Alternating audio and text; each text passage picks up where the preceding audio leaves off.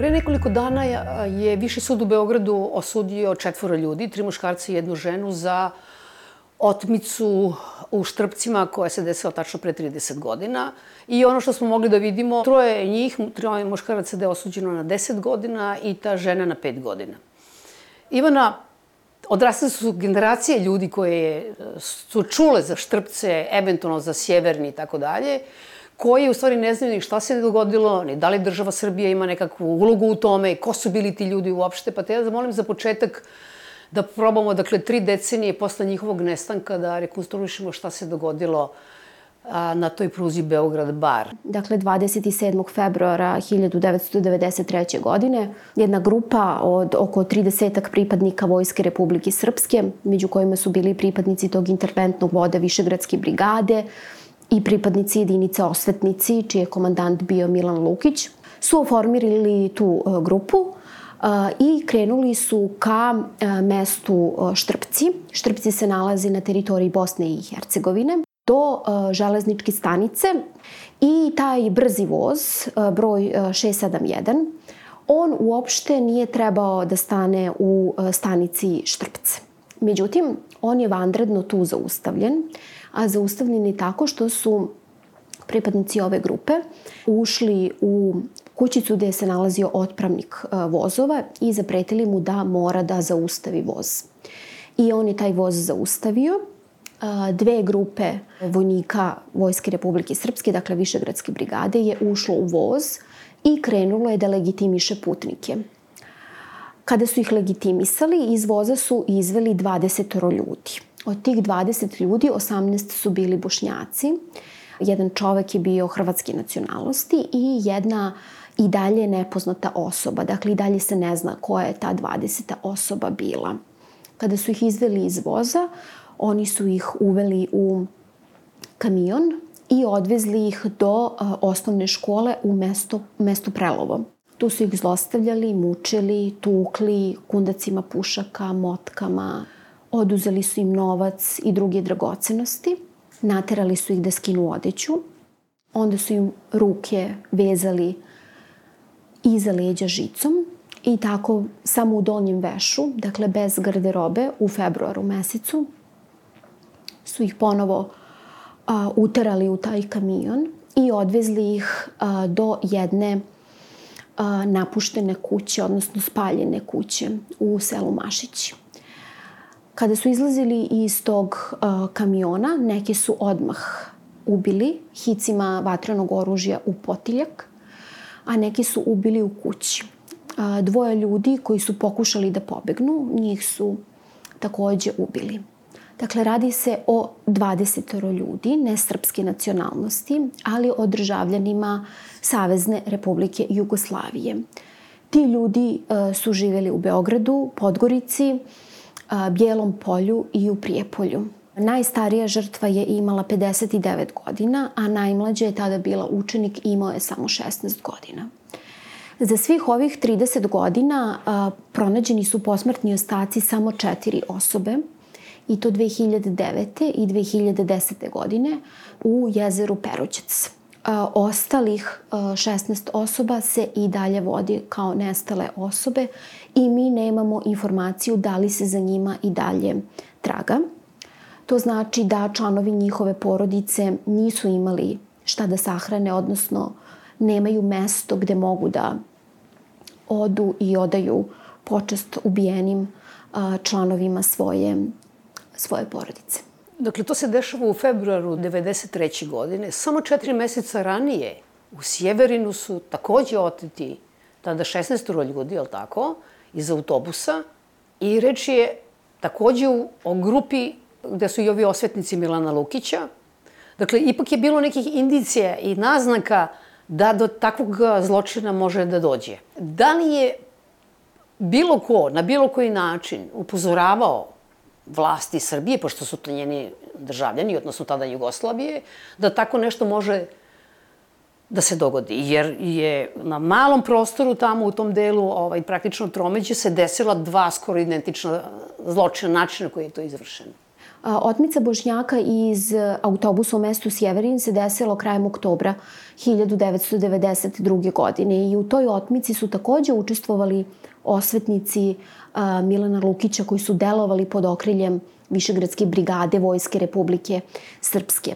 U tom trenutku vlasti u Srbiji su i tekako znali da se to dešava i da na teritoriju ulaze pripadnici Vojske Republike Srpske.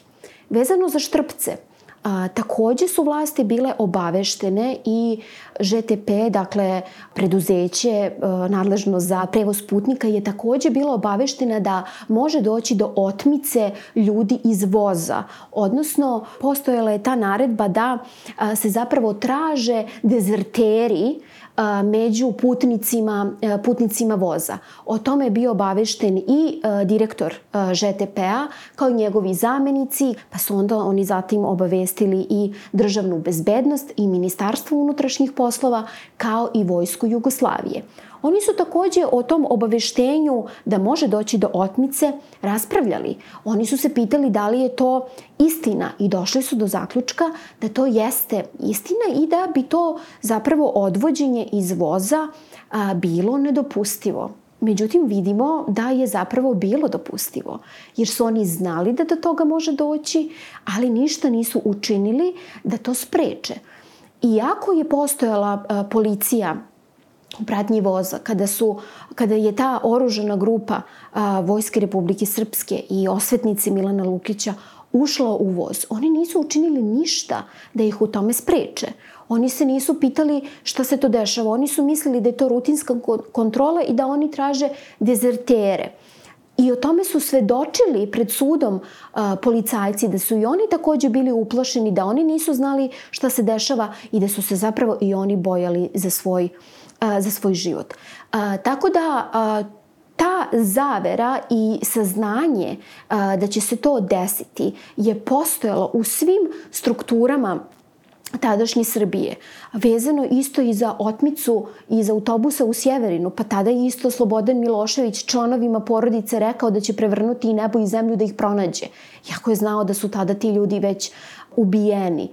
Samo par meseci nakon toga se desila otmica u u Štrpcima. Oni su znali, ništa nisu preduzeli da to, da to spreče. A nakon 30 godina vidimo da, su, da je osuđeno veoma mali broj pripadnika te oružane grupe, a da na tom nekom višem nivou kao što su pripadnici državne bezbednosti ili vojske Jugoslavije ili MUPA Srbije, niko nije niti optužen, niti osuđen. Kome se sve sudi, gde se sudi za otmicu u Štrpcima i naravno završit ćemo sa ovim ipak besramno niskim kaznama koje su izrečene pre nekoliko dana u Beogradu. Dakle, još jedan ponavljam, tri decenije posle, posle zločina. Pa vidite, što se suđenja tiče, tu je možemo reći, najažurnija bila Crna Gora. Još 2002. godine sud u Crnoj Gori je na 15 godina zatvora osudio Nebojšu Ranisavljevića, jednog od pripadnika jedinice. Osuđen je za otmicu i učestvovanje u ubistvu tih 20 civila. On je bio jedan od onih koji su čuvali stražu i bio zadužen da spreči svaki pokušaj bekstva, tako da je on pucao u noge jednom od nesrećnih putnika koji su u tom poslednjem trenutku pokušali bekstvom da se spasu, koji je kasnije bio zaklan. Posle toga dugo vremena se apsolutno nigde ništa nije dešavalo. Tek 2014. E, godine dolazimo do pokretanja postupka. Naime, e, godinu dana pre toga tužilaštvo Bosne i Hercegovine i tužilaštvo za ratne zločine Republike Srbije su zaključili, potpisali su jedan protokol o saradnji u progonu počinilaca krivičnih dela ratnih zločina, zločina protiv čovečnosti i genocida, koja im daje mogućnost da formiraju zajedničke istražne timove i pokretanje postupka za privođenje pravdi izvršilaca tog zločina je upravo u predmetu Štrpsi. Jedan jako dobar primer, nažalost, ostao je usamljen fenomenalne regionalne saradnje gde je formiran zajednički istražni tim koji je u isto vreme izvršio hapšenje. To je bilo 5. decembra 2014. U Bosni je 10 lica uhapšeno, u Srbiji je uhapšeno 5. U Bosni i Hercegovini su bili obuhvaćeni u stvari svi pripadnici faktički Višegradske brigade. E, među njima je najveći rang bio Luka Dragićević, on je bio komadant. On i Boban Inđić koji je bio komadant te, komandir interventne čete. Od njih e, deset Bosna je donela prvu presudu 2016. godine jedan od pripadnika, Mićo Jovičić, jedinice, jedan od optuženih, je sa tužilaštvom Bosne i Hercegovine sklopio sporazum o priznanju krivice i osuđen je na kaznu zatvora od pet godina. Tako da mi trenutno za zločin u Štrpcima imamo samo dva lica koja su pravosnažno osuđena, jedan u Crnoj Gori, drugi u Bosni i Hercegovini. Bosna i Hercegovina je, ajde recimo, uslovno prva došla do prvostepene presude 22. oktobra prošle godine su svi oglašeni sem Luke Dragičevića krivim za otmicu i učestvovanje u ubistvu, njih sedam, oglašeni su krivim za učestvovanje u otmici i ubistvu i osuđeni su svi na kazne zatvora od po 13 godina s tim što je Boban Inđić u posebnom postupku suđen, osuđen na kaznu zatvora u trajanju od 15 godina. Kod nas je, postupak je pokrenut protiv pet neposrednih izvršilaca, od kojih je 2021. godine jedan preminuo, tako da je postupak u odnosu na njega obustavljen. Radi se o pripadnicima, troje su bili pripadnici te jedinice osvetnici koja je faktički bila pod Višegradskom brigadom i jedan pripadnik Višegradske brigade. Taj postupak kod nas je obeležio vrlo neslavan i sraman početak što se tiče samog tužilaštva za ratne zločine. Naime, ljudi su uhapšeni u decembru 2014. Odmah u martu 2015. podignuta prva optužnica. Međutim, onda smo sledeći tri godine, sve do kraja oktobra 2018. godine, čekali da ta optužnica bude potvrđena. Sud je tu optužnicu tužilaštvu vraćao deset puta na uređivanje da bi se ispravili formalni nedostaci, što je strašno i nedopustivo da optužnica na bilo koji god zločin da se odnosi optužnica koja je rađena u tužilaštvu tog kapaciteta sme da ode u sud, a da ne ispunjava zakonsku formu, da nema sve elemente koje zakonnik u krivičnom postupku predviđa da optužnica mora da ima. Samo dva razloga mogu biti da oni ne znaju svoj posao, tragično ne znaju svoj posao ili da namerno to rade da bi obstruirali početak suđenja. Dobro, mi to sada možemo spekulišemo šta je razlog, ali da, zaista je besramno. Da, mi možemo samo da. da spekulišemo šta je razlog, to prosto liči na jednu neozbiljnost. Tako da je tek 2019. E, godine počeo glavni pretres. Odbrana je na sve moguće načine pokušavala da ključnog svedoka optužbe koji u programu zaštite diskvalifikuje odnosno da ga proglasi nesposobnim za svedočenje. Tako da su tu usledila veštačenja tog svedoka. Veštaci su napravili jedan isto nedopustiv problem da je predsednik komisije veštaka potpisao člana komisije, što su branioci iskoristili da se takvo veštačenje ne može koristiti, tako da je moralo da se radi novo i došli smo do toga da je 7. februara ove godine objavljena i prvostepena presuda. Očekivali smo da ona bude osuđujuća, međutim, uh, ono što je bilo neverovatno, to su bile visine izrečenih kazni. Naime, oni su oglašeni krivim za otmicu i za učešće u ubistvu 20 ljudi. Tužilaštvo je u završnoj reči tražilo da se osude na duplo strože kazne. Na duplo strože. Za Gojka Lukića, Duška Vasiljevića i Jovana Lipovca je tužilaštvo tražilo da im se izreknu maksimalne kazne zatvora u trajanju od po 20 godina, a za Draganu Đekić kazna zatvora u trajanju od 10 godina. U stvari, maksimalne kazne su tražene za sve, za Draganu 10, samo iz razloga što je ona u vreme izvršenja krivičnog dela bila maloletna i što se maloletniku kao maksimalna kazna zatvora može izreći upravo samo ta od 10. Očekivali smo da će kazne biti strože, pogotovo što je mnogo pre za identično krivično delo, za iste stvari. Nebojša Ranisavljević dobio 15 godina, što su malo pre te kazne koji su im izračene ovde u Srbiji, u Bosni i Hercegovini, ljudi osuđeni na 13 i 15 godina. Tako da je ovo bio jedan jako, jako neprijatan moment. Stajali smo na objavi presude i prosto nismo mogli da verujemo. Oni ne samo da su učestvovali u otmici ljudi, nego su učestvovali u stvari i u ubistvima tih ljudi. Sam tako razumela vas? Nisu u Srbiji koji su osuđeni, nisu svi učestvovali u otmici. Nisu svi učestvovali u otmici, ali svi su učestvovali u ubistvu. Svi se sećamo predmeta Veljka Marića, koji je za ubistvo jednog civila dobio 12 godina. Nedavno je suđen u Srbiji pripadnik vojne policije za ubistvo devet civila, pa je dobio 15 godina. I sada ubistvo 20, odjednom 10. Šta je to njima pa olakšavajuća okolnost pa su dobili tako? Presuda pismeno još uvek nije izrađena. Prilikom e, objavljivanja presude predsjednica veća je u kratkim crtama obrazložila.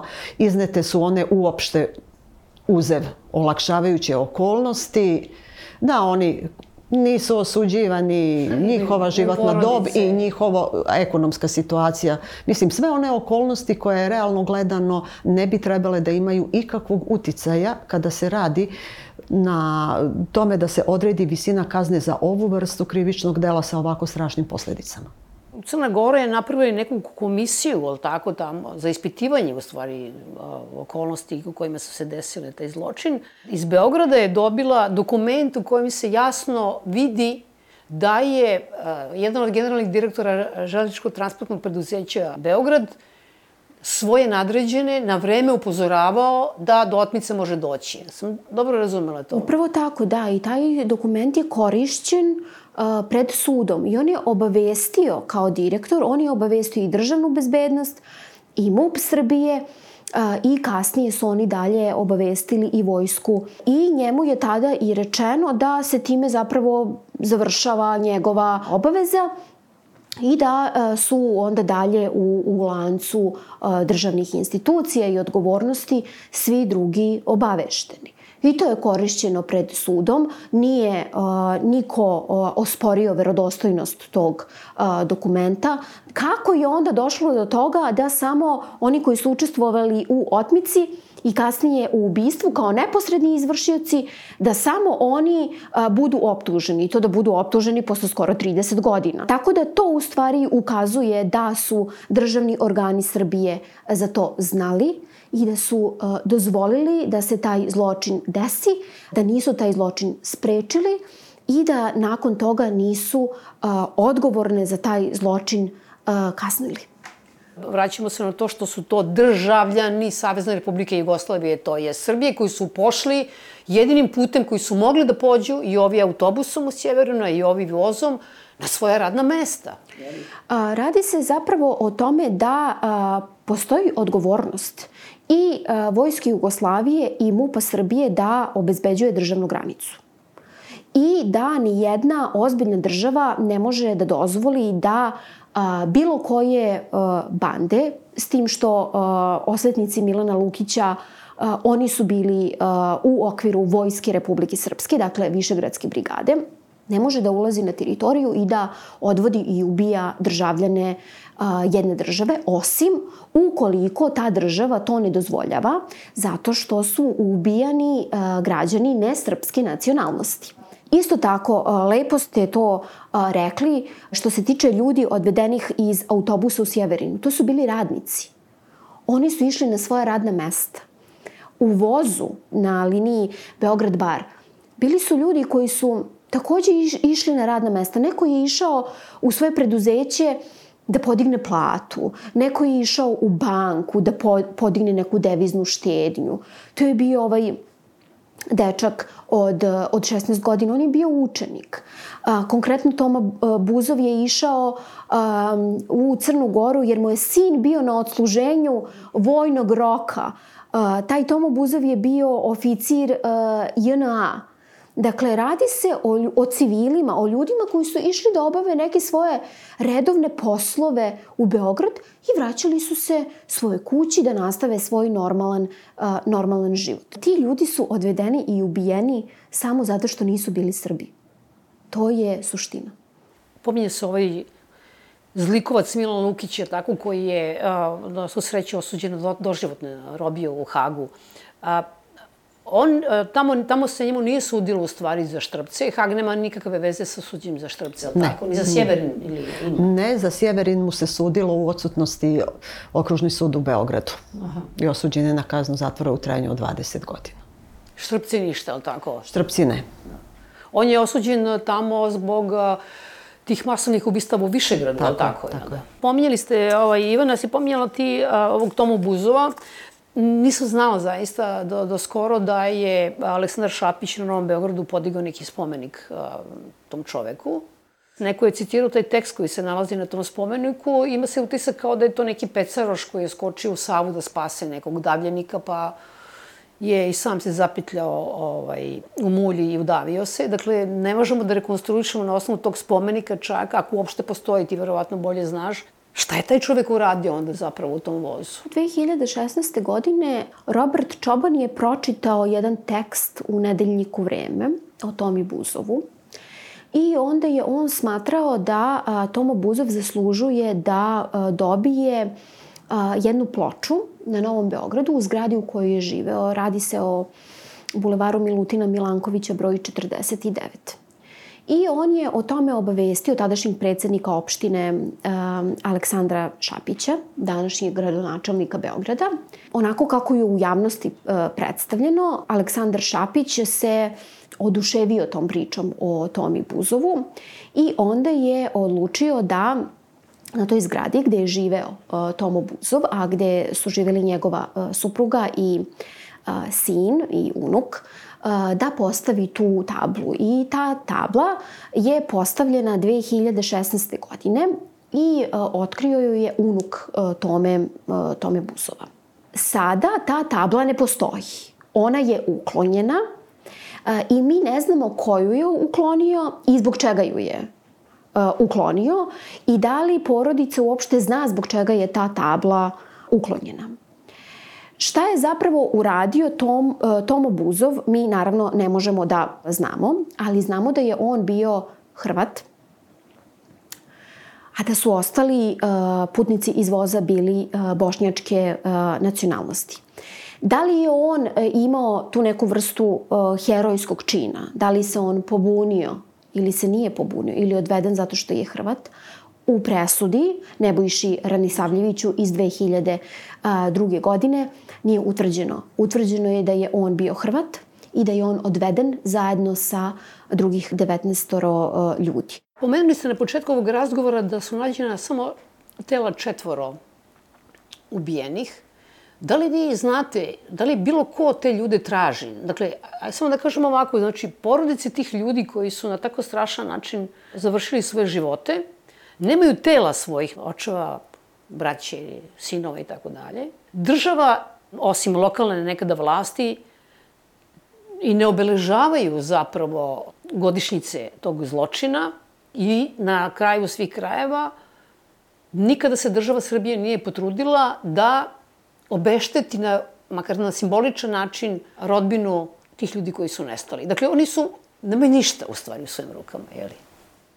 Pa upravo se o tome radi, da na prvom mestu posmrtni ostaci nisu pronađeni i mali su izgledi da oni budu pronađeni, jer verovatno se radi o posmrtnim ostacima, odnosno telima koje su završili u jezeru Perućec.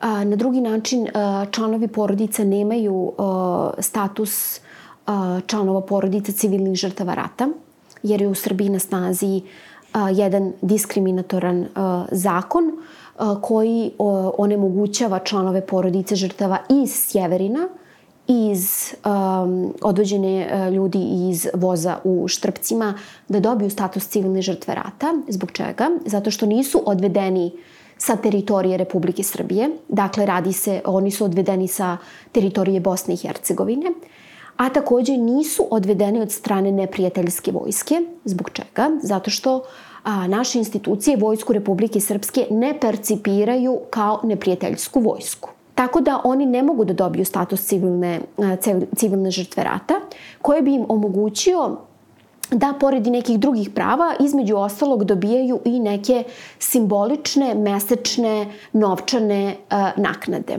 Što se tiče samog obeležavanja e, zločina, 2009. godine lokalna e, samouprava, dakle Skupština opštine e, Prijepolje, je podigla e, spomenik ubijenim. E, međutim, na tom spomeniku se nalaze samo e, imena e, ljudi koji su iz Prijepolja. Ne nalaze se imena drugih ljudi koji su iz Beograda, Podgorice ili Bijelog polja.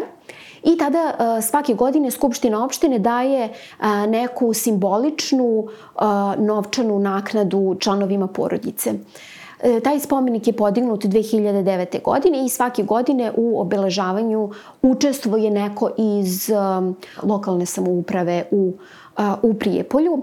Ali ako govorimo o nekoj uh, dugoročnoj, odnosno nekom priznanju statusa, članovi porodice to nisu dobili. A takođe vidimo da je i krivična pravda zakazala. Naravno, ostavljamo mogućnost, ovaj tek prvostepeni postupak, da vidimo šta će apelacioni sud odlučiti. S obzirom da ste vi godinama pratili suđenja, sve postupke od prvostepenog do apelacijonog suda, koliko ste vi optimista da može nekako da se dođe do uravnoteženije kazne, ne znam kako bi drugačiji, da ne bude tako, mislim, užasno niska. Jeste, kazne su užasno niske, pogotovo što su oni oglašeni krivim, znači sud je zauzeo to stanovište. Kojim se tačno razlozima rukovodio, nažalost, sada možemo samo da nagađamo, jer prvostepenu presudu tek treba da sačekamo. Šta će uraditi apelacioni sud zaista je jako nezahvalno prognozirati, pogotovo što u poslednje vreme smo svedoci da apelacioni sud malte ne postaje sigurna kuća za izvršioce ove vrste krivičnih dela, zato što smo svedoci da se u kazne na apelacijonom sudu ublažavaju, da se iz nama prilično čudnih razloga prvostepene presude ukidaju i vraćaju na ponovni postupak, tako da u ovom trenutku zaista bez prvostepene presude apsolutno se ne može ništa prognozirati. Ono što lično mene plaši, to je problem ovaj stava apelacijonog suda koji vrlo često insistira na novim i novim ispitivanjima svedoka. Mi imamo upravo problem u ovakvim postupcima koji se pokreću i vode mnogo, mnogo godina nakon kritičnog događaja da je svedoka sve manje i da su ljudi jednostavno nesposobni da svedoče.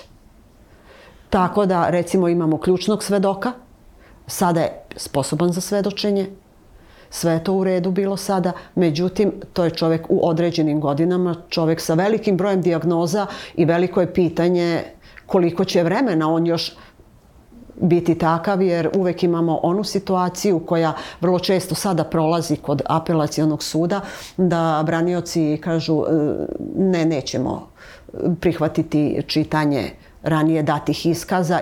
Pošto se sa takvim situacijama suočavamo u nekim drugim predmetima, ne verujem baš da ćemo na apelacijonom sudu tako brzo završiti ovde na način na koji smatramo da bi trebalo, da bi trebalo njima izreći daleko strožije kazne. Jer odavno nismo imali situaciju da je apelacioni sud tek tako poštrio kazne kod predmeta gde se javljaju upravo veliki brojevi žrtava i veći broj izvršilaca nekako u najčešćoj situaciji šta će apelacioni sud da uradi bilo je ukidanje prvostepene presude i vraćanje na ponovni postupak. Meni izbezumlje i to izveštavanje medija. Osuđeni su ukupno 35 godina. Ne razumem šta to znači ukupno na 35 godina. Osim toga što se tako sabiraju kazne, tog dana kada je izrečena kazna na dnevniku RTS-a u pola osam, bi, tačno bila je vest da su oni osuđeni, ali se ti novinari nisu potrudili čak ni imena da kažu ko je osuđen, pa tako umesto Dragane Đekić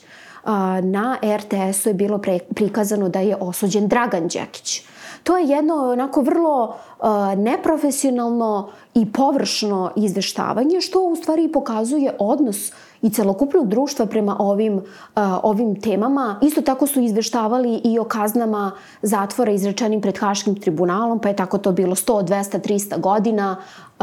Verovatno da se u javnosti stvori taj utisak, eto kako ovi su samo Srbi osuđeni na 300 godina, a neki dru, drugi na 20, bez da se govori o tome zašto su oni zapravo, zapravo osuđeni. Vidjet ćemo šta će reći apelacioni sud. Uh, ja iskreno da budem nisam uh, optimista. Jedva čekam da, da nam stigne pismeni otpravak presude, da baš vidim koje su to naročito olakšavajuće okolnosti bile na strani ovih optuženih da oni dobiju 10 godina, jer ono, kao što je Marina rekla, to da su oni siromašni ili da imaju decu ili a, da je prošlo 30 godina od zločina ili da nisu ponovili isto krivično delo, pa mislim naravno ne mogu ponoviti krivično delo, prosto nije rat. Mi smo sada pričali o štrpcima, ali štrpci otvaraju mnogo drugih pitanja. Ti ljudi su pronađeni u jezeru Peroćac. Onda se otvara pitanje postojanja masovnih grobnica. Jedna je na 15 km od centra grada u Batajnici, gde je pronađeno skoro 800 ljudi, među kojima je bilo i dete takođe. A, tu je isto i Rudnica, i Petrovo selo, i Perućac. Znači, tu su pronađeni ostaci oko hiljadu ljudi. Tužilaštvo za ratne zločine se time nije bavilo. Za njih to nije relevantno. Isto tako kao što nije bilo e, relevantno ni granatiranje sela, opštine Priboj, gde su ljudi ubijeni, kuće zapaljene za ovu državu nije tema uh, status civilnih žrtava rata, sobstvenih naših državljana. Pa ni Srbi uh, iz Oluje ne mogu da dobiju status civilne žrtve rata. Zašto? Zato što su povredu doživjeli na teritoriji druge države, Hrvatske. Tako da i, i ta priča o našim žrtvama takođe ovde pada u vodu.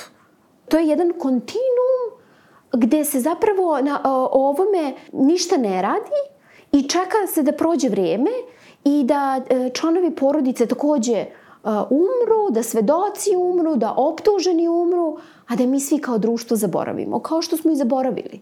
Kao što, e, na početku ste, ste rekli o tome da mlađe generacije o ovome ne znaju ništa. Pa ne znaju ništa zato što se radi na tome da svi uh, ovome zaborave i da se ovome ne priča.